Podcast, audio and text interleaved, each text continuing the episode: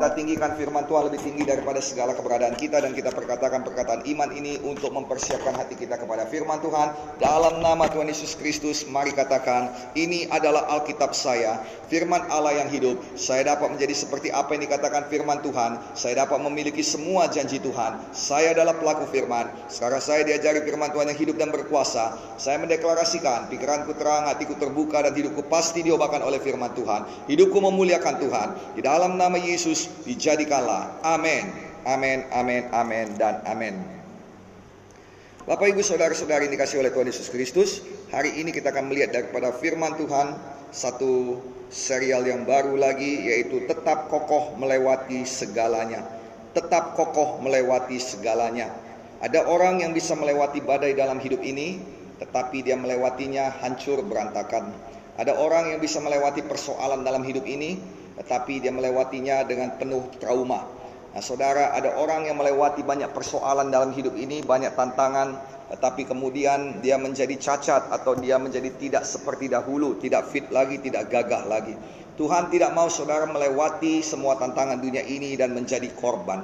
Kita tahu sekarang ini seluruh dunia sedang menghadapi tantangan yaitu COVID-19. Tuhan tidak mau Indonesia babak belur dalam menghadapi tantangan ini.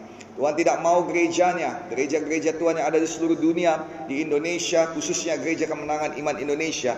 Tuhan tidak mau gerejanya babak belur dalam menghadapi situasi dan kondisi virus corona saat ini. Tuhan tidak mau kondisi keuangan saudara babak belur. Tuhan tidak mau kondisi hubungan keluarga saudara babak belur dalam melewati virus corona ini. Virus corona ini akan berlalu. Waktunya saya tidak tahu, tetapi firman Tuhan berkata, nanti kita akan lihat sama-sama bahwa virus corona ini dan semua tantangan-tantangan yang lain tidak datang untuk menetap, tetapi mereka datang untuk berlalu. Akan tiba saatnya semua tantangan ini, semua kesusahan ini, semuanya ini pasti berlalu. Tetapi kita harus melewatinya dan ketika kita melewatinya firman Tuhan berkata kita tetap berdiri, kita tetap gagah dan kita tetap kokoh. Jadi kokoh melewati segalanya. Mari katakan dulu kepada kiri kanan saudara apabila saudara mempunyai teman Katakan pada mereka, kita akan melalui semua badai ini. Katakan lagi, kita akan melalui segala krisis ini. Dan katakan sekali lagi pada mereka, kita pasti keluar sebagai pemenang-pemenang. Amin, amin, amin, dan amin. Saya berdoa kiranya dijadikanlah untuk kemuliaan Tuhan di dalam nama Tuhan Yesus Kristus. Mari kita buka Alkitab kita dari buku 1 Petrus pasal 5 ayat 10. 1 Petrus pasal 5 ayat 10 saya bacakan kepada kita semuanya. Dan Allah sumber segala kasih karunia yang telah memanggil kamu. Sekali lagi sama-sama kita katakan, Yesus telah memanggil saya. Amin. Yang telah memanggil kamu dalam Kristus kepada kemuliaannya yang kekal akan melengkapi, meneguhkan, menguatkan dan mengokohkan kamu sesudah kamu menderita seketika lamanya. Sama-sama lagi kita katakan, sesudah saya menderita seketika lamanya. Amin. Dalam Alkitab Bahasa Indonesia sehari-hari dituliskan, tetapi sesudah kalian menderita sebentar, jadi tidak lama, sebentar. Mungkin kita merasa bahwa cukup lama kita menderita, tetapi itu sebenarnya tidak sebanding dengan waktu-waktu di mana saudara akan dimuliakan Tuhan. Itu hanya sebentar saja. Pandang pada kemuliaan Tuhan, jangan pandang pada penderitaan kita. Tetapi sesudah kalian menderita sebentar, Allah sendiri akan membuat kalian menjadi sempurna. Haleluya. Saya berdoa kita semua yang dijadikan Tuhan sempurna. Sempurna dalam roh, sempurna dalam jiwa, sempurna dalam tubuh, sempurna dalam pemikiran, sempurna dalam perkataan. Jadilah itu di dalam nama Yesus. Ia akan menegakkan dan menguatkan kalian serta mengokohkan kalian. Amin. Sebab ia adalah Allah yang sangat baik hati. Tuhan kita adalah Tuhan yang baik hati. Amin. Yang sudah memanggilmu untuk merasakan keagungannya yang abadi. Jadi keagungan Tuhan itu bukan satu hari, bukan dua hari, bukan satu bulan, bukan dua bulan, bukan satu tahun, bukan dua tahun, bukan satu abad, bukan dua abad, tetapi selama-lamanya abadi melalui Kristus. Adalah Kristus yang membawakan keagungan Tuhan. Adalah Kristus yang membawakan kemuliaan Tuhan kepada kita sesudah kita menderita sebentar. Alkitab mengatakan saudara bahwa kita semua telah terpanggil oleh Tuhan. Terpanggil oleh Tuhan artinya kita dipilih oleh Tuhan langsung untuk masuk ke dalam rencananya yang kekal. Dan pada akhirnya rencana Tuhan yang kekal itu akan membawakan kemuliaan yang kekal bagi kita. Memang kelihatannya saudara di dunia ini ada banyak hal-hal yang tidak seturut dengan rencana Tuhan.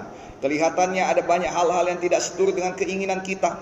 Kelihatannya saudara ada banyak tantangan, penderitaan. Inilah yang dikatakan oleh Petrus penderitaan dan juga penganiayaannya sekejap. Tetapi semuanya itu bagi kita yang dipanggil oleh Tuhan dikatakan Tuhan bekerja dalam segala sesuatu.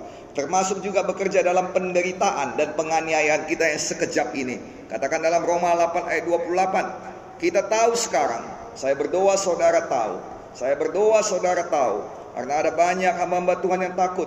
Ada banyak orang-orang yang takut, ada banyak jemaat yang takut dan saya tidak persalahkan karena memang ancaman ini nyata. Tetapi saudara yang mau saya katakan kepada saudara-saudara perlu tahu bahwa di tengah-tengah ketakutan saudara, di tengah-tengah kekhawatiran saudara, di tengah-tengah tekanan dunia, di tengah-tengah penganiayaan dan penderitaan hidup yang sekejap itu, di tengah-tengah itu semua, di tengah-tengah pekerjaan setan, Tuhan kita tidak berhenti bekerja. Dia tidak berdiam diri. Kita tahu sekarang, ketahuilah bahwa di tengah-tengah segala keburukan yang terjadi, bahwa Allah turut bekerja dalam segala sesuatu untuk mendatangkan kebaikan bagi mereka yang mengasihi Dia, yaitu bagi mereka yang terpanggil sesuai dengan rencana Allah. Dan dalam Alkitab bahasa Indonesia sehari-hari dikatakan, kita tahu sekarang bahwa Allah mengatur segala hal sehingga menghasilkan yang baik bagi orang-orang yang mengasihi Dia dan yang dipanggilnya sesuai dengan rencananya. Apakah coronavirus ini rencana Tuhan? Saya percaya ini bukan rencana Tuhan, tetapi Tuhan bisa atur agar itu mendatangkan kebaikan bagi kita, kebaikan bagi rumah tangga kita, kebaikan bagi gereja Tuhan. Kalau kita mau mengerti, kalau kita membuka mata, kalau kita bersabar, kalau kita bersekutu dengan Tuhan, kita tahu bahwa semua ini tidak diperuntukkan untuk menghancurkan sidang Tuhan, tidak diperuntukkan untuk menghancurkan kita, tidak diperuntukkan untuk menghancurkan bisnis kita, tetapi untuk kebaikan bagi kita. Nah, saudara kasih dalam nama Yesus, kalau bukan karena coronavirus ini, maka saudara multimedia Gereja Kemenangan Indonesia, sosial media Gereja Kemenangan Indonesia tidak akan seperti sekarang ini. Sekarang ini saudara luar biasa Tuhan bawa kita pada bangsa-bangsa melalui sosial media dan itu semua karena Tuhan turut bekerja dalam segala sesuatu. Kita berpikir bahwa setan berhasil menutup pintu-pintu gereja, mana gereja-gereja tidak berfungsi seperti biasanya. Gereja-gereja tidak menerima orang-orang lagi. Biasanya gereja-gereja, pintu-pintu gereja selalu terbuka untuk orang-orang. Tapi sekali ini ibadah-ibadah harus ditutup. Setan berpikir bahwa dia berhasil menutup gereja. Tetapi apa yang terjadi dia tidak tahu bahwa Tuhan mengangkat semua dinding-dinding gereja. Melalui internet, melalui sosial media. Gereja-gereja memenuhi dunia internet yang selama ini dipenuhi oleh setan. Menjadi penuh oleh firman Tuhan yang hidup dan berkuasa. Seluruh gereja-gereja, pendeta-pendeta mengadakan siaran di mana-mana dalam segala bang, dalam segala bahasa, segala bangsa, semua banyak pilihan. Firman Tuhan yang memotivasi, firman Tuhan yang menemplakkan, firman Tuhan yang menyadarkan, firman Tuhan yang mengangkat, firman Tuhan yang membawa kesembuhan, firman Tuhan yang membagikan berkat, kesaksian-kesaksian kehidupan, kesaksian jamahan Tuhan, penuh semua di internet ada banyak, di YouTube ada banyak, di Facebook ada banyak, Oh saudara belum pernah terjadi seperti ini sebelumnya. Bahwa Tuhan bekerja luar biasa Melanda seluruh dunia. Kita berpikir bahwa saudara Sesungguhnya kita berpikir bahwa virus corona Yang melanda dunia ini Tapi sesungguhnya penggenapan janji Tuhan terjadi Bahwa Injil Kerajaan Sorga Harus didengar kepada semua orang Barulah kesudahannya tiba Saya percaya betul Bahwa saat-saat seperti ini Yesus bisa kapan saja datang Kita berdoa supaya Tuhan melayakkan kita untuk ikut terangkat bersama-sama dengan dia. Tuhan melayakkan gerejanya. Biarlah kita semuanya siap untuk pengangkatan. Biarlah kita semuanya gereja Tuhan siap untuk kedatangan Tuhan yang kedua kali. Karena ini adalah satu masa yang luar biasa. Kita tahu bahwa Tuhan kita tidak berhenti bekerja. Dia bukan Tuhan yang tertidur. Dia bukan Tuhan yang kalah dengan pekerjaan-pekerjaan setan. Dia tetap bekerja. Dia atur segala hal. Dia atur harimu. Dia atur hidupmu. Dia atur jam-jam pikiranmu, dia atur pergerakanmu, dan dia atur segalanya agar hari ini menjadi hari yang baik bagi kita. Minggu ini menjadi minggu yang baik bagi kita. Bulan ini menjadi bulan yang baik bagi kita, yang terpanggil dan juga yang mengasihi Tuhan. Saya percaya saudara sudah dipanggil Tuhan. Saya sudah dipanggil Tuhan. Kita semua sudah dipanggil Tuhan. Dari dua ayat ini, dari Roma 8 ayat 28 dan juga dari 1 Petrus 5 ayat 10. Kita mengambil dua pelajaran. Yang pertama ialah di dalam dunia ini memang ada penderitaan dan juga penganiayaan sebentar saja, sekejap saja. Tetapi Allah akan mengatur segala sesuatu dan memberikan pada kita kelengkapan, peneguhan, kekuatan dan pengokohan sehingga kita bisa keluar daripada penganiayaan dan juga penderitaan yang sekejap itu menjadi pemenang-pemenang yang sampai pada rencana kemuliaan Tuhan. Dan nomor dua saudara, rencana Tuhan pasti membawa kemuliaan bagi kita. Tidak pernah ada rencana Tuhan yang membawa kehinaan bagi kita. Alkitab berkata, aku tahu rancangan-rancangan yang ada padaku mengenai kamu. Rancangan-rancangan damai sejahtera. Bukan rancangan-rancangan kecelakaan. Rancangan-rancangan shalom. Rancangan-rancangan keselamatan. Rancangan-rancangan berkat. Rancangan-rancangan kesehatan. Rancangan-rancangan kesuksesan. Rancangan-rancangan kemakmuran. Rancangan-rancangan yang membawa kepadamu hari depan yang penuh pengharapan. Besok lebih baik daripada hari ini. Itu rancangan Tuhan. Tuhan. Ada peningkatan, itu rancangan Tuhan. Dan rancangan Tuhan akan membawa kita pada kemuliaan Tuhan. Tidak pernah ada rancangan Tuhan membawakan kita kepada kejatuhan. Tidak ada rancangan Tuhan membawakan pada kita kepada kemunduran. Selalu ada peningkatan. Saya sudah terpanggil untuk itu. Saya berdoa, masuklah dalam panggilan Tuhan. Saya berdoa saudara juga terpanggil dan berlari-larilah pada maksud dan panggilan Tuhan. Nah, saudara yang kasih dalam nama kita akan melihat dua hal ini dalam beberapa minggu ke depan depan. Dan pertama sekali tentunya kita lihat saat ini juga bahwa ada penderitaan dan aniaya yang seketika lamanya. Ada penderitaan dan aniaya yang kata firman Tuhan sekejap saja. Nah saudara mengapa dikatakan sekejap? Karena Tuhan itu baik. Kalau kita melihat memang Yusuf itu saudara menderita. Memang Yusuf saudara betul-betul dikianati. Memang Yusuf mendapatkan hal-hal yang tidak adil dalam hidupnya. Tetapi saudara pada usia 36 tahun. Dan terus sampai akhir hayatnya yang panjang umur. Dia mendapatkan kemuliaan yang besar. Dia menjadi orang asing yang diangkat menjadi Perdana Menteri di negeri asing. Nah saudara dan dia menjadi orang harapan bangsa asing. Bukan hanya harapan bangsa asing, dia adalah orang yang menjadi harapan tumpuan hidup dari seluruh dunia. Dia adalah orang yang bijaksana, dihormati oleh seluruh rakyat Mesir dan juga dihormati oleh Firaun raja Mesir. Bahkan Firaun berkata, "Beda antara aku dan engkau hanya tahta ini dan tanpa sepengetahuanmu tidak ada seorang Mesir pun yang boleh bergerak." Demikianlah Tuhan memberikan kuasa yang besar. Memang ada penderitaan sekejap, memang ada aniaya sekejap, tetapi kemuliaan yang mengikutinya itu jauh lebih besar. Itu sebabnya Paulus berkata, tetapi mata kami tertuju kepada hal-hal yang tidak kelihatan. Saat ini kemuliaanmu belum kelihatan. Saat ini berkat-berkatmu belum kelihatan. Saat ini jawaban doamu belum kelihatan. Saat ini janji-janji Tuhan belum kelihatan digenapi dalam hidupmu. Tapi jangan salah fokus. Jangan fokus kepada perkataan setan. Jangan fokus pada keputusasaan. Jangan fokus kepada hal-hal yang jahat. Jangan fokus kepada ketidakpercayaan. Tetap fokus Tuhan kita yang menjanjikannya sangat baik hati. Itu dikatakan firman Tuhan. Tuhan kita yang menjanjikannya adalah Tuhan yang setia. Dia sanggup melaksanakan janjinya. Apa pun yang terjadi di dunia ini, sekalipun langit dan bumi berlalu, firman Tuhan tidak akan berlalu. Janji Tuhan tidak akan berlalu. Janji keselamatan, janji kesehatan, janji kekuatan, janji berkat tidak akan berlalu sampai digenapinya dalam hidup kita. Nah, Bapak Ibu Saudara-saudari kasih dalam nama Tuhan Yesus Kristus. Jadi memang ada penderitaan, ada aniaya, tapi tidak lama hanya seketika saja lamanya. Dan memang Alkitab tidak pernah mengatakan jika kita hidup kudus, jika kita hidup beribadah, jika kita hidup beriman, jika kita hidup memberi dan ketika kita hidup menjadi berkat, hidup saleh, maka semuanya hidup kita di dunia ini pasti mulus, tidak pernah dituliskan demikian. Tuhan tidak pernah berkata kehidupan di dunia ini pasti mulus, pasti selalu berkemenangan. Nah, maka semua berkat-berkat tidak akan berhenti mengalir, selalu mengalir deras tanpa henti. Nah, Saudara, tidak sama sekali tidak ada ayat Alkitab yang mengatakan demikian. Bahkan sebaliknya, Alkitab menjamin bahwa ketika kita hidup di dunia ini, kita akan mengalami apa yang dinamakan dengan penderitaan dan penganiayaan. Dalam buku Injil Yohanes pasal 16 ayat 33 dikatakan saudara, semua itu kukatakan kepadamu supaya kamu beroleh damai sejahtera di dalam aku. Di dalam dunia ini kamu menderita penganiayaan, tetapi kuatkanlah hatimu, Aku telah mengalahkan dunia. Di dalam dunia ini kamu akan menderita penganiayaan. Dan semua manusia dalam dunia ini menderita penganiayaan. Oh banyak teologi yang berkata saudara itu karena dosamu. Well, kalau saudara lihat sejujurnya orang berdosa dan orang yang dibenarkan oleh darah Yesus dua-dua menderita penganiayaan. Jadi memang adalah jalan di dunia ini manusia mengalami penderitaan. Tetapi saudara beda orang berdosa dengan beda orang yang dibenarkan oleh Kristus. Orang yang dibenarkan oleh Kristus mereka punya jalan keluar. Karena Yesus adalah jalan.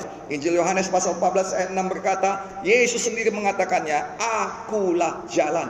Inilah beda antara orang berdosa dan orang yang dibenarkan oleh Tuhan. Orang yang dibenarkan oleh Tuhan mempunyai jalan, jalan keluar dari persoalannya, jalan kepada hidup yang kekal, jalan untuk mendapatkan berkat-berkat Tuhan, jalan untuk mendapatkan kemakmuran, jalan kepada masa depan yang penuh dengan pengharapan.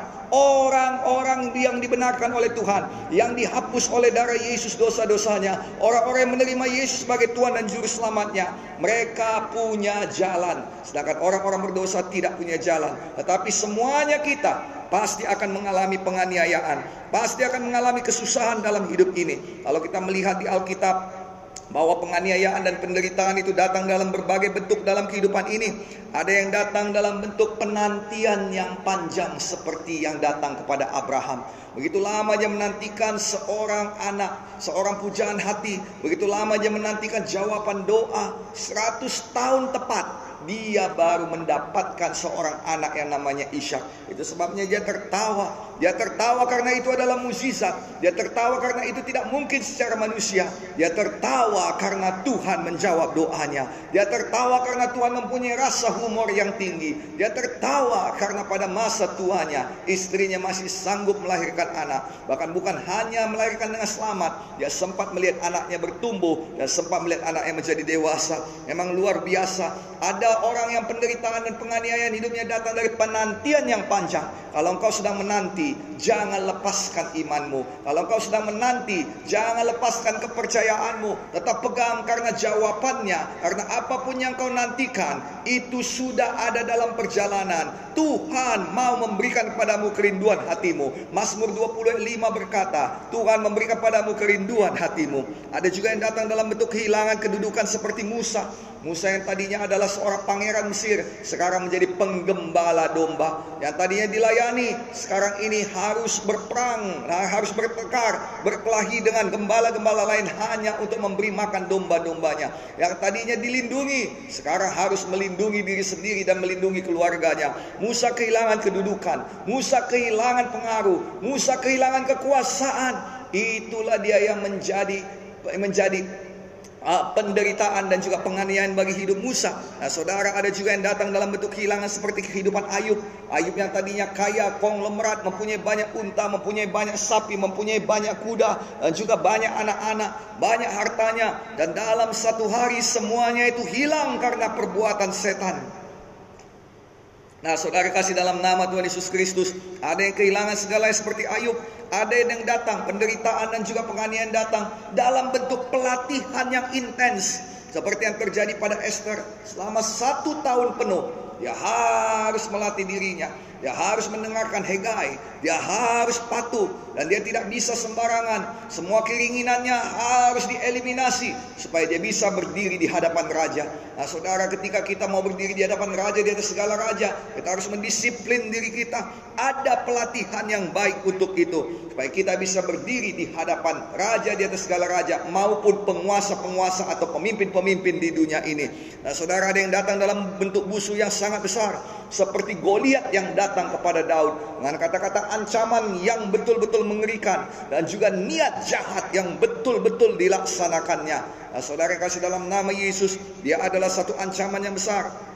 Daud menghadapi Goliat dan juga ada ada penderitaan dan juga penganiayaan datang dalam bentuk pengkhianatan seperti Yusuf yang saya katakan. Ada juga penganiayaan dan juga dan juga saudara penderitaan yang datang seperti padang gurun yang ada pada Tuhan Yesus. Nah, saudara pengkhianatan seperti Yusuf, orang-orang yang seharusnya mengasihi dia, berubah menjadi orang-orang yang cemburu padanya, orang-orang yang memanfaatkan dia, orang-orang yang menjual dia, orang-orang yang mengusir dia, orang-orang yang mengkhianati dia. Dan dia mulai lagi dari awal, dia mulai lagi menata hidupnya dari awal, dia mulai lagi mencari kepercayaan orang lain dan dia mendapatkannya tapi dikhianati lagi.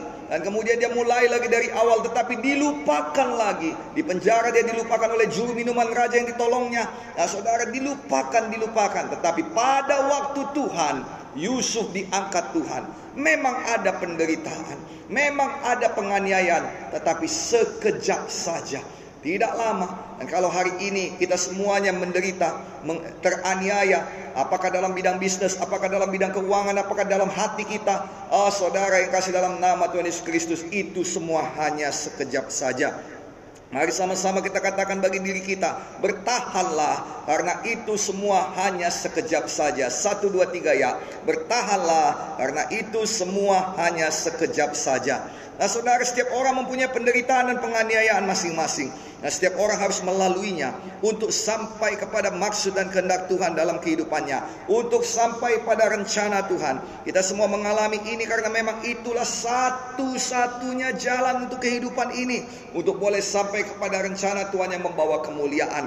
Dalam Matius 7 ayat 3 sampai 14, Tuhan berkata, "Masuklah melalui pintu yang sesak itu, karena lebarlah pintu dan luaslah jalan yang menuju pada kebinasaan, dan banyak orang melaluinya. Sesaklah pintu dan sempit sempitlah jalan menuju kehidupan dan sedikit orang yang mendapatinya. Memang sesaklah pintu itu, memang sempitlah rahasianya. Tidak nyaman hidup seperti ini, tidak nyaman hidup dalam penderitaan, tidak nyaman hidup di dalam tekanan, tidak nyaman hidup dalam aniaya, tidak nyaman hidup yang dimusuhi, tidak nyaman hidup yang dikhianati. Memang tidak nyaman hidup dalam pelatihan, hidup menanti-nanti, tidak nyaman hidup yang kehilangan Semuanya itu tidak nyaman.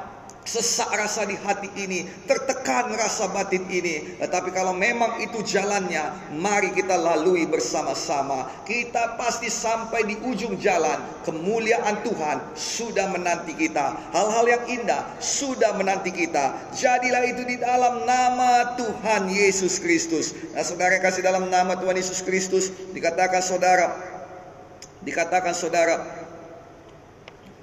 bahwa ada dua hal yang pasti terjadi dalam hidup kita. Dari ayat-ayat tersebut di atas, ada dua hal yang pasti terjadi dalam hidup kita. Nomor satu, saudara, semua penderitaan mempunyai tanggal kedaluarsa. Semua penderitaan mempunyai tanggal kedaluarsa. Dalam 1 Petrus 5 ayat 10 dikatakan, dan Allah sumber segala kasih karunia yang telah memanggil kamu dalam Kristus pada kemuliaannya yang kekal akan melengkapi, meneguhkan, menguatkan dan mengokohkan kamu sesudah kamu menderita seketika lamanya. Dalam terjemah lain dikatakan menderita sekejap saja. Nah, saudara, dikatakan di situ saudara bahwa firman Tuhan menjamin bahwa tidak ada penderitaan yang selama-lamanya datang pada kita, tinggal bersama kita. Tidak pernah di sini dikatakan tidak di sini dikatakan sesudah kamu menderita selama-lamanya, bukan. Tapi seketika lamanya, sekejap saja. Ada waktu yang ditepati ditetapkan oleh Tuhan bagi penderitaan yang kita alami saat ini. Ada waktu yang ditetapkan oleh Tuhan bagi COVID-19. Dia harus keluar dari Indonesia. Ada waktu yang ditetapkan oleh Tuhan masa-masa di mana kita kekurangan. Kelimpahan itu akan datang. Harta kekayaan bangsa-bangsa dari seberang lautan akan datang. Alkitab berkata bahwa Tuhan akan menggoncangkan bumi dan dia akan membawa masuk oh barang-barang berharga, barang-barang yang luar biasa kepada rumah Tuhan. Dan itu akan dijadikan Tuhan.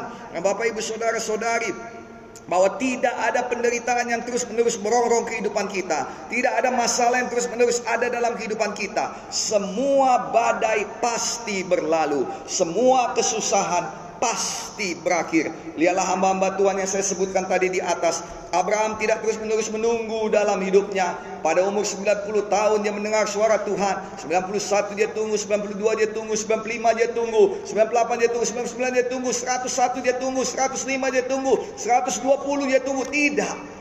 Tuhan punya batasan waktu bahwa semua penganiayaan, semua penderitaan, semua tekanan, semua badai ada batas waktunya. Abraham tidak terus-menerus menunggu, Musa tidak terus-menerus direndahkan dan dihinakan dalam hidupnya, tidak bahwa dia malah dimuliakan luar biasa. Saking mulianya Tuhan sendiri harus menguburkan dia supaya jangan orang Israel datang ke kuburannya dan menyembah Musa. Begitulah Musa sangat dimuliakan. Ayub tidak terus-menerus miskin.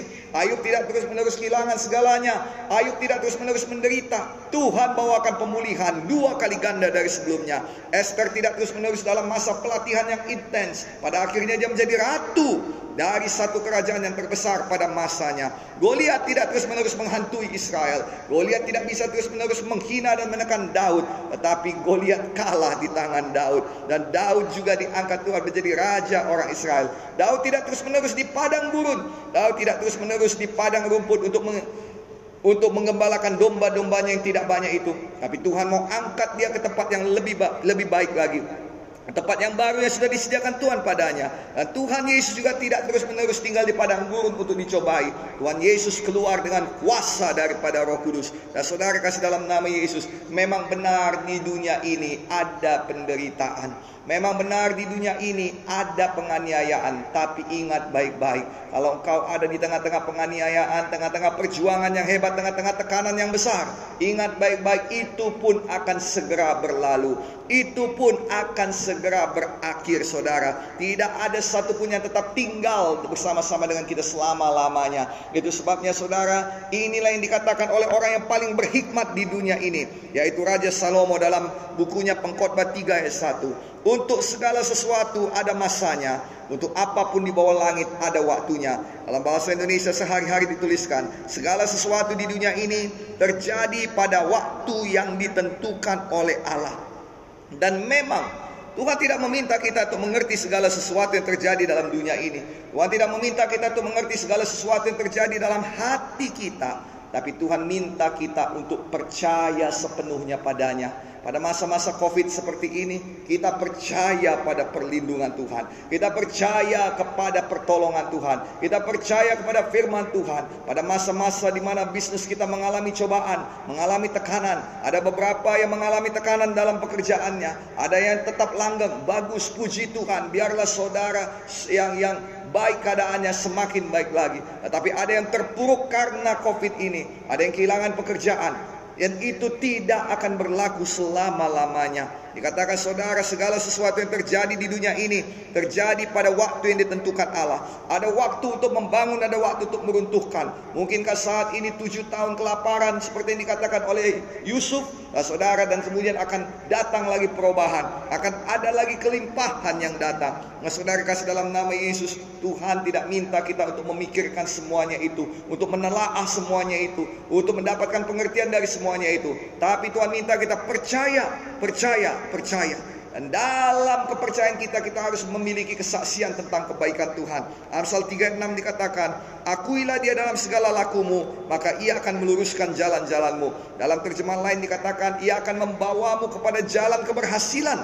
Nah saudara kasih dalam nama akui Tuhan. Kita tentunya tidak akan pernah mengakui orang yang tidak kita percayai. Kita tidak punya urusan dengan orang yang tidak kita percayai. Nah saudara, kita hanya mengakui dia yang kita percayai. Jika kita percaya pada Tuhan, akui Yesus adalah juru selamat. Yesus adalah jalan. Yesus adalah penolong. Ya pasti tolong kita melewati badai ini. Ya pasti tolong kita. Tidak ada badai, tidak ada persoalan, tidak ada tekanan, tidak ada kemiskinan, tidak ada penyakit yang datang untuk menetap. Semua pasti berlalu. Saya percaya saudara, penderitaan karena COVID-19 ini juga akan berakhir dalam nama Yesus. Kekurangan-kekurangan dan juga saudara tekanan-tekanan karena COVID-19 ini akan berakhir dalam nama Yesus. Ketakutan-ketakutan karena COVID-19 ini berakhir dalam nama Yesus. dan percayalah terus kepada firman Tuhan.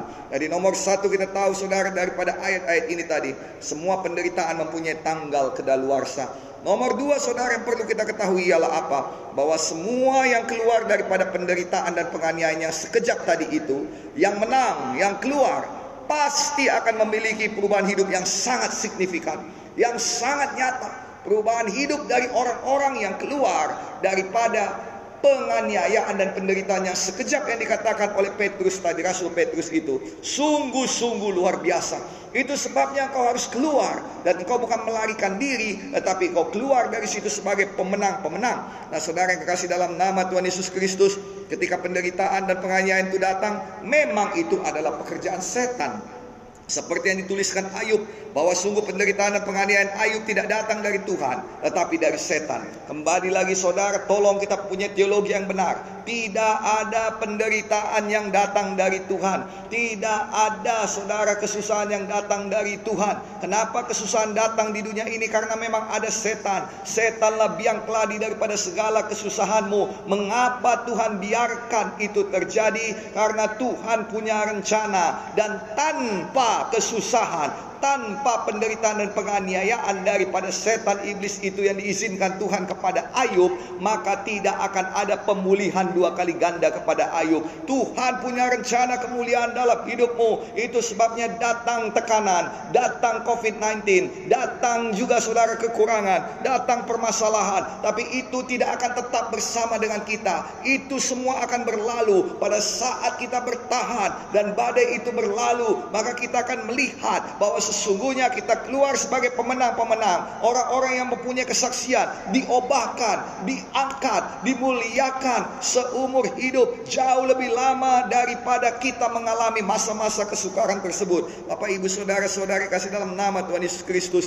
Tuhan pasti akan memberikan batasan kepada semua masalah, kepada semua penganiayaan, semua penderitaan. Kalau tadi dikatakan ada batasan waktu saudara, Tuhan juga memberikan batasan kepada setan dalam buku Ayub yang mana yang bisa dijamahnya, yang mana yang tidak bisa dijamahnya. Mengapa? Karena Tuhan tahu juga batasan-batasan kita. Nah, saudara Tuhan memberikan batasan terhadap semua permasalahan kita. Apakah itu batasan dalam durasi waktu? Apakah itu batasan dalam intensitas tekanan? Apakah itu batasan dalam kepekatan gelap yang kita alami? Dan semua itu punya pengukuran dan ada batasnya.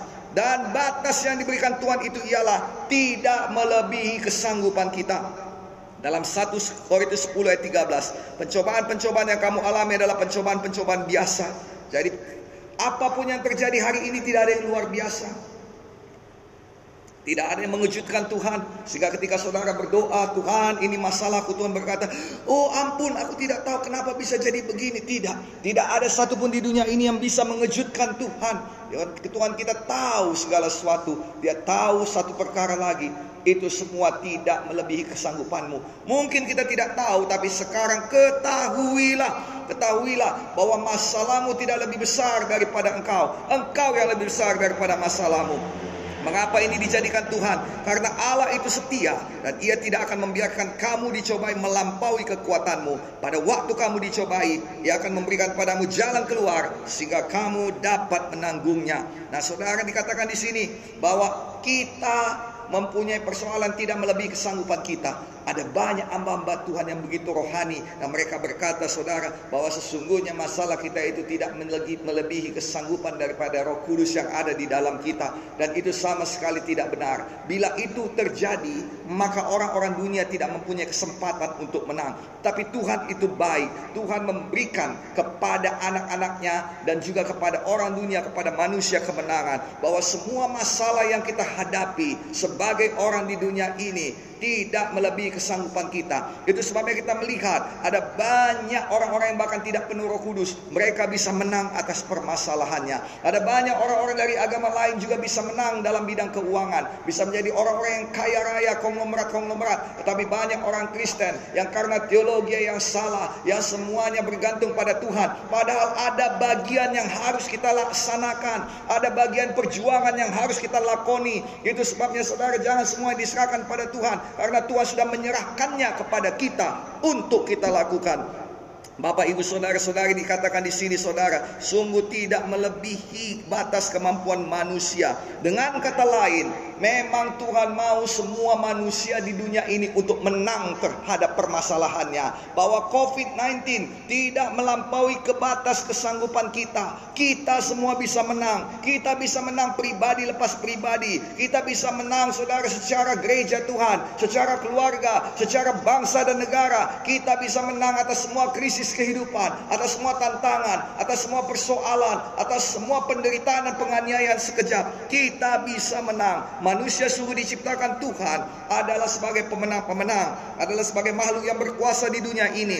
Kodrat manusia bukanlah untuk dikuasai, bukan dikuasai oleh COVID-19, bukan dikuasai oleh ketakutan, bukan dikuasai oleh kekhawatiran, bukan dikuasai oleh trauma, bukan dikuasai oleh amarah dan dendam. Tidak, kodrat manusia adalah untuk menguasai menguasai dunia dan segala isinya. Salah satu isi dunia ini saat ini adalah COVID-19, virus corona. Dan salah satu isinya adalah persoalan, perkelahian, pertengkaran, permasalahan, penganiayaan. Itu semua yang ada dalam dunia. Kita tidak ada di bawah mereka. Kita ada di atas mereka. Mereka yang ada di bawah kita.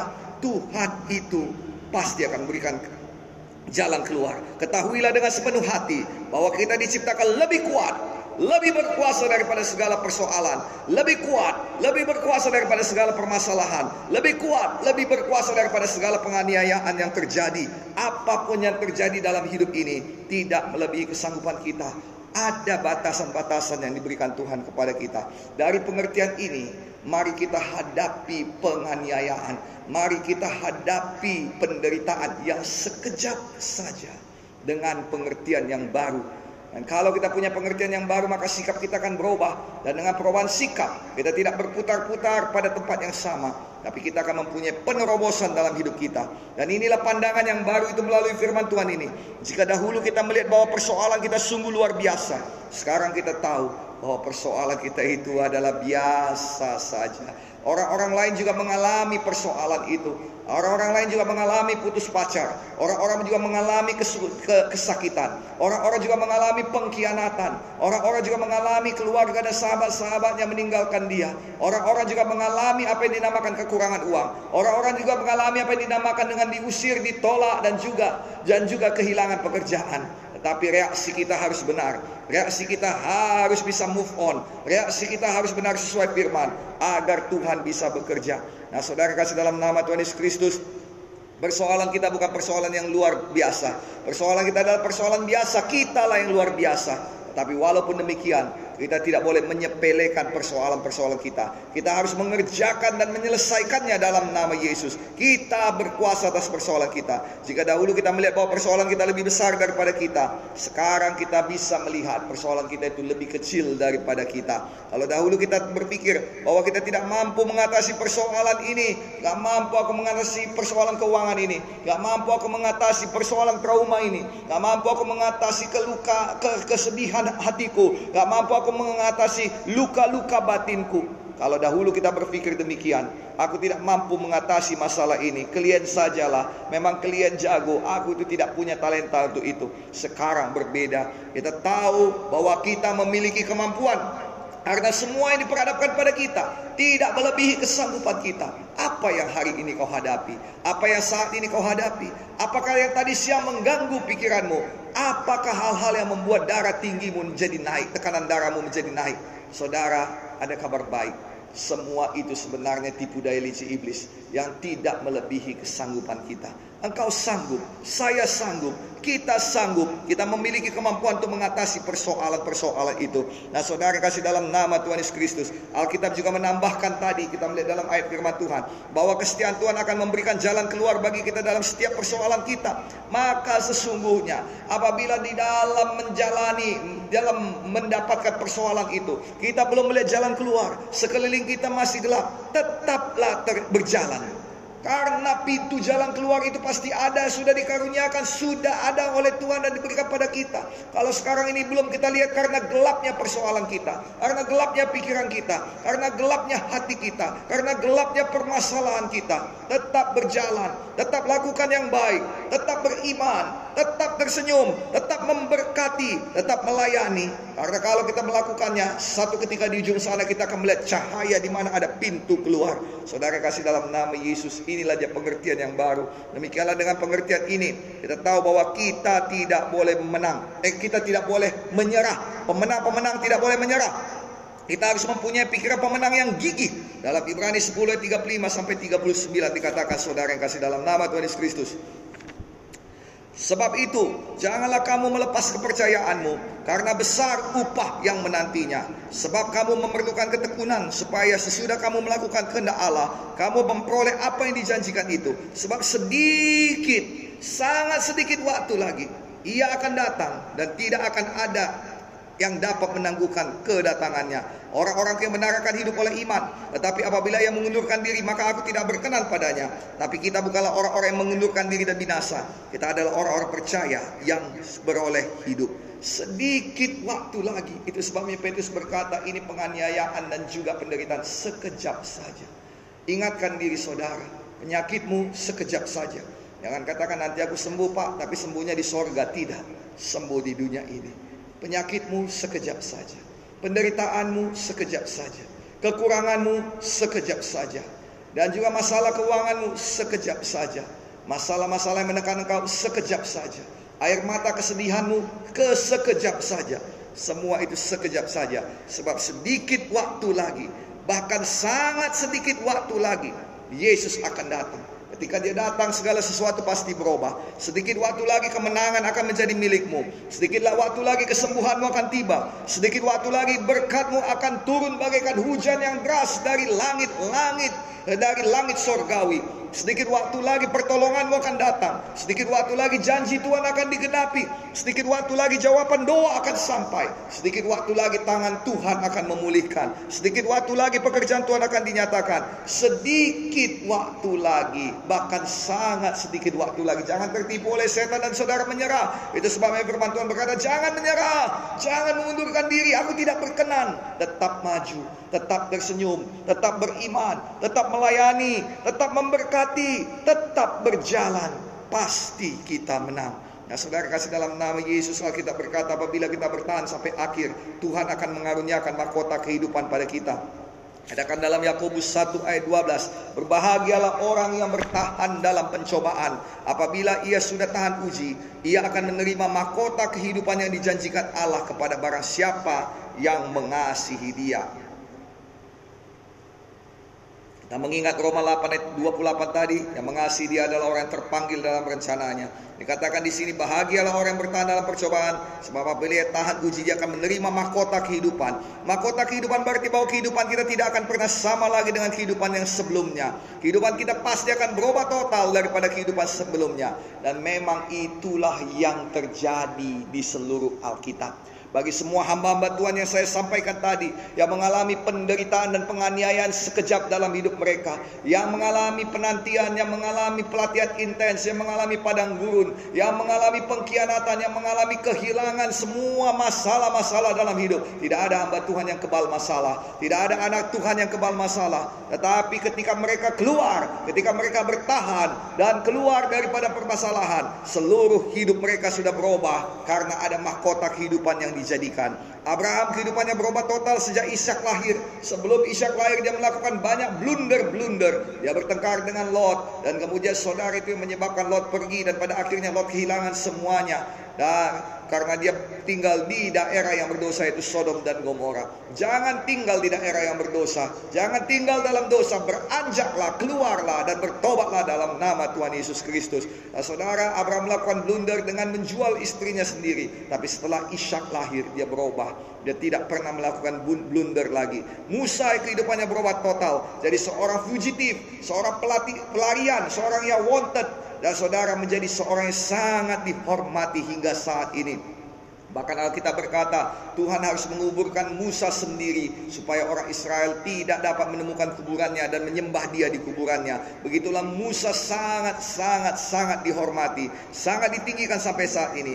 Ayub yang mengalami pemulihan setelah dia mengalami sekian waktu lamanya, penderitaannya sekejap dan juga saudara uh, dan juga penganiayanya sekejap, maka dia dipulihkan Tuhan. Dua kali ganda dikembalikan Tuhan padanya. Esther yang tadinya yatim piatu tidak ada yang memperhatikan kecuali pamannya, menjadi ratu daripada salah satu negara yang terbesar di dunia pada waktu itu, salah satu kerajaan yang paling besar di dunia pada saat itu. Daud yang tadinya terlupakan oleh keluarganya, semua abang-abang Daud dipanggil untuk menghadap Samuel supaya kiranya boleh dipilih menjadi raja, tapi Daud dilupakan oleh bapaknya. Ternyata dia yang dipilih Tuhan menjadi raja.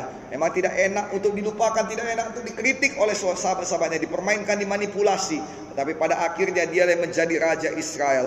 Yusuf yang tadi dikhianati dan dijual menjadi budak, sekarang menjadi perdana menteri kerajaan yang paling besar di dunia. Tuhan Yesus juga keluar daripada padang gurun dalam Lukas 14, maaf Lukas 4 ayat 13 kalau saya tidak salah. Lukas 4 dikatakan saudara bahwa setelah Yesus keluar dari padang daripada padang gurun dikatakan oleh kekuasa roh Yesus melayani kehidupannya sungguh-sungguh berubah. Saudara, jika kita bertahan sedikit lagi, bahwa semua permasalahan kita punya ketanggal kadaluarsa dan juga punya batasan-batasan. Tidak melebihi kesanggupan kita. Jika kita bertahan sedikit lagi karena Covid ini, jika kita bertahan sedikit lagi dalam keuangan, jika kita bertahan sedikit lagi dalam hati yang terluka ini, jika kita bertahan sedikit lagi supaya tidak trauma, maka waktu Tuhan tidak pernah terlambat. Kita akan keluar daripada permasalahan ini dan memiliki satu kehidupan yang sangat-sangat berubah kehidupan yang tidak sama dengan berikutnya. Nah, saudara, kalau kehidupan saudara tidak berubah, nah, saudara keluar daripada permasalahan saudara, dan kemudian saudara lihat kehidupan saudara tidak berubah, mungkin saudara belum waktunya keluar, atau saudara melarikan diri. Jangan ada yang melarikan diri daripada bentukan Tuhan. Jangan ada yang melarikan diri daripada padang gurunnya. Jangan ada yang melarikan diri daripada daripada pelatihannya yang intens. Jangan ada yang melarikan diri daripada pengalaman penganiayaan dan penderitaannya sekejap ini. Sebab sesungguhnya hidup kita akan diobatkan total oleh Tuhan, mengalami peningkatan, pergandaan yang besar. Dan saudara, sesungguhnya saudara, apa yang dikatakan ini adalah suatu kelayakan yang normal bagi kita agar kita melalui padang gurun. Nah, saudara kasih dalam nama Tuhan Yesus Kristus, jika kita melalui padang gurun ini, saudara, pasti kita akan diubahkan Tuhan. Bapak Ibu Saudara-saudara ada banyak sekali yang mau saya sampaikan kepada kita semuanya. Tetapi pada hari ini kita akan sambung lagi saudara. Ini semua yang minggu depan. Pada hari ini inilah dia firman Tuhan. Bahwa sesungguhnya kita bisa kokoh melalui semuanya ini. Dengan pengertian-pengertian seperti itu. Bahwa sesungguhnya saudara memang betul dalam dunia ini ada permasalahan. Bahwa dalam dunia ini ada persoalan, ada tantangan. Tetapi tidak untuk selama-lamanya. Sekejap saja sekejap saja, sekejap saja, tidak lama, sekejap saja. Dan setelah itu saudara pasti ada kemuliaan yang mengikutinya. Bapak Ibu Saudara-saudara tidak perlu khawatir karena Tuhan kita tidak pernah berbohong. Kalau Tuhan berkata tidak melebihi kesanggupan artinya memang betul-betul tidak melebihi kesanggupan dan dikatakan jelas bukan tidak melebihi kesanggupan Roh Kudus tetapi tidak melebihi kesanggupan kita. Nah, saudara, apalagi kita dipenuhkan Roh Kudus, pastilah kita menang. Pastilah kita lebih cepat lagi menang. Ada akselerasi. Pasti ada perubahan dalam hidup kita. Jadi apa pun yang terjadi pada masa-masa COVID ini, biarlah kita kokoh melewati segalanya. COVID ini akan berlalu. Jangan kita melewatinya. Jangan kita melaluinya dengan babak belur. Biarlah kita melaluinya dengan kemenangan total. Dengan perubahan hidup. Ada sesuatu yang Tuhan sedang kerjakan. Saya sungguh percaya bahwa sebelum tahun ini berakhir. Ada pemulihan bagi saudara. Ada pergandaan bagi kita semuanya. Ada pertolongan Tuhan. Ada jamahan Tuhan. Dan ada perubahan kehidupan. Ada transformasi. Jadilah, jadilah, dan jadilah di dalam nama Yesus. Bapak ibu saudara-saudari sekarang waktunya bagi kita semuanya untuk boleh lagi berdoa. Doa keampunan dosa Biarlah kita semuanya menjadi orang-orang yang terpanggil. Biarlah kita semuanya menjadi orang-orang yang terpilih. Supaya dengan demikian, sungguh-sungguh kita itu beroleh jaminan. Bahwa dalam penderitaan dan juga dalam penganiayaan sekejap ini, Tuhan tidak meninggalkan kita. Bahwa Tuhan pasti akan memberikan kekuatan pada kita. Meneguhkan, mengokohkan kita. Sehingga kita sanggup melaluinya. Dan apabila kita sudah melaluinya, kita pasti akan menerima kemuliaan kehidupan yang pasti diobahkan. Mari sama-sama kita menjadi orang yang terpanggil. Mari kita sama-sama meminta ampun akan dosa kita. Mari kita berdoa taruhlah tangan kiri di dada, angkatlah tangan kanan ke atas. Ucapkanlah doa ini dengan sepenuh hati dalam nama Yesus katakanlah, "Oh Tuhan Yesus, Oh Tuhan Yesus, saya percaya kepadamu. saya percaya kepadamu. Masuklah dalam hati saya. Masuklah ke dalam hati saya. Jadilah Tuhan dan juru selamat saya. Jadilah Tuhan dan juru selamat saya. Saya butuh Engkau Tuhan. Saya butuh Engkau Tuhan. Ampunilah dosa-dosa saya. Ampunilah dosa-dosa saya. Sucikanlah saya Sucikanlah saya dengan darah Yesus. dengan darah Mulai saat ini mulai saat saya lahir baru. saya lahir. Dan saya menjadi anak Bapa Sorgawi. Saya menjadi anak Di dalam nama Tuhan Yesus, dalam nama Tuhan saya berdoa. saya berdoa. Dalam nama Yesus, Dalam nama saya lahir baru. saya lahir. kita yang percaya sepakat berkata, Amin, amin, amin, amin, dan amin. Bapak, ibu, saudara-saudari dikasih oleh Tuhan Yesus Kristus, apabila saudara-saudari mengucapkan doa ini dengan sepenuh hati, maka saya pendeta Gideon Munti Gembala Sidang saudara-saudari meneguhkan sesuai firman Tuhan bahwa kita semua yang mengucapkan doa ini sudah lahir baru. Kita berikan tepuk tangan bagi Tuhan Yesus.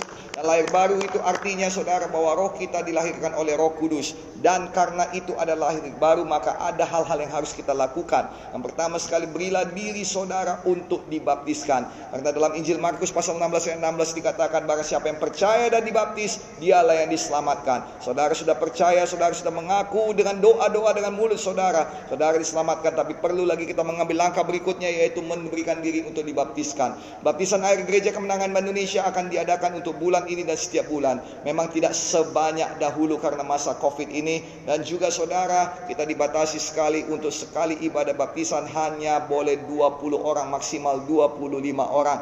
Dan bulan yang lalu kita membaptiskan 39 orang dalam dua gelombang. Dan kita mungkin akan melaksanakan beberapa gelombang lagi bulan ini saudara. Daftarkan diri saudara waktu dan tempat pendaftarannya. Pantengin terus kita punya sosial media akan diberitahukan saudara melalui sosial media. Dan saudara yang berikutnya yang harus kita lakukan ketika kita lahir baru ialah kita harus membaca firman Tuhan. Firman Tuhan adalah makanan rohani kita. Dengan makanan rohani dengan firman Tuhan, maka roh saudara akan menjadi kuat dan tidak mudah tertipu oleh setan, tidak mudah dikalahkan oleh setan. Dan kemudian saudara agar roh kita tidak mati lagi di dalam segala kenikmatan dunia ini, dalam dosa-dosa dunia ini, maka kita perlu berdoa. Berdoa adalah nafas kehidupan kita. Usahakan dan disiplin diri saudara untuk berdoa. Bukan panjangnya, bukan lebarnya, bukan kecepatannya, tetapi saudara doa itu adalah persekutuannya dengan Tuhan. Saya berdoa ada persekutuan yang indah dengan Tuhan hari lepas hari. Dan yang terakhir saudara, carilah satu rumah bagi saudara. Tempat saudara berlindung. Rumah Allah tempat saudara berbakti dan tempat saudara boleh melayani Tuhan. Dan dalam hal itu saya pendeta Gideon Munti bersama dengan semua kami yang ada di sini mengucapkan selamat datang di rumah kita di Gereja Kemenangan Iman Indonesia. Mari sama-sama kita melayani di sini. Mari sama-sama kita memuji dan menyembah Tuhan di sini. Mari sama-sama kita kita lagi merasakan zaman kasih dan kuasa Tuhan. Bapak Ibu Saudara-saudara yang dikasih oleh Tuhan Yesus Kristus, kami sangat berbahagia boleh bersama-sama dengan saudara dan biasanya untuk jiwa-jiwa baru saya akan meletakkan tangan berdoa untuk memohonkan berkat bagi bagi saudara-saudari dari Tuhan. Tetapi kita tahu masa-masa saat ini hal itu tidak bisa dilakukan. Tetapi saya percaya waktunya akan datang di mana saya akan bertatap muka dengan saudara dan akan berdoa agar berkat Tuhan dinyatakan pada saudara dan pada keluarga saudara. Dan sampai saat itu tiba adalah doa saya, doa kami, semua kita sehat, semua kita kuat, semua kita dilindungi Tuhan dan semua kita sampai pada maksud dan kehendak Tuhan. Tuhan Yesus memberkati kita dan saudara kalau kita hari ini sudah diberkati oleh firman Tuhan, sudah diberkati oleh doa-doa kita, marilah kita angkat pujian kita, marilah kita angkat penyembahan kita kepada Tuhan. Marilah kita puji dan sembah Tuhan sebagai tanda kita berterima kasih, tanda kita mengasihi Tuhan. Mari siapkan hati saudara, buka hati saudara, dan angkatlah tangan saudara dan saya siapkan, saya persilakan kepada worship servant kita, pelayan penyembahan kita untuk boleh membawakan hadirat Tuhan bagi kita semuanya. Selamat menyembah Tuhan, Tuhan Yesus memberkati kita semuanya.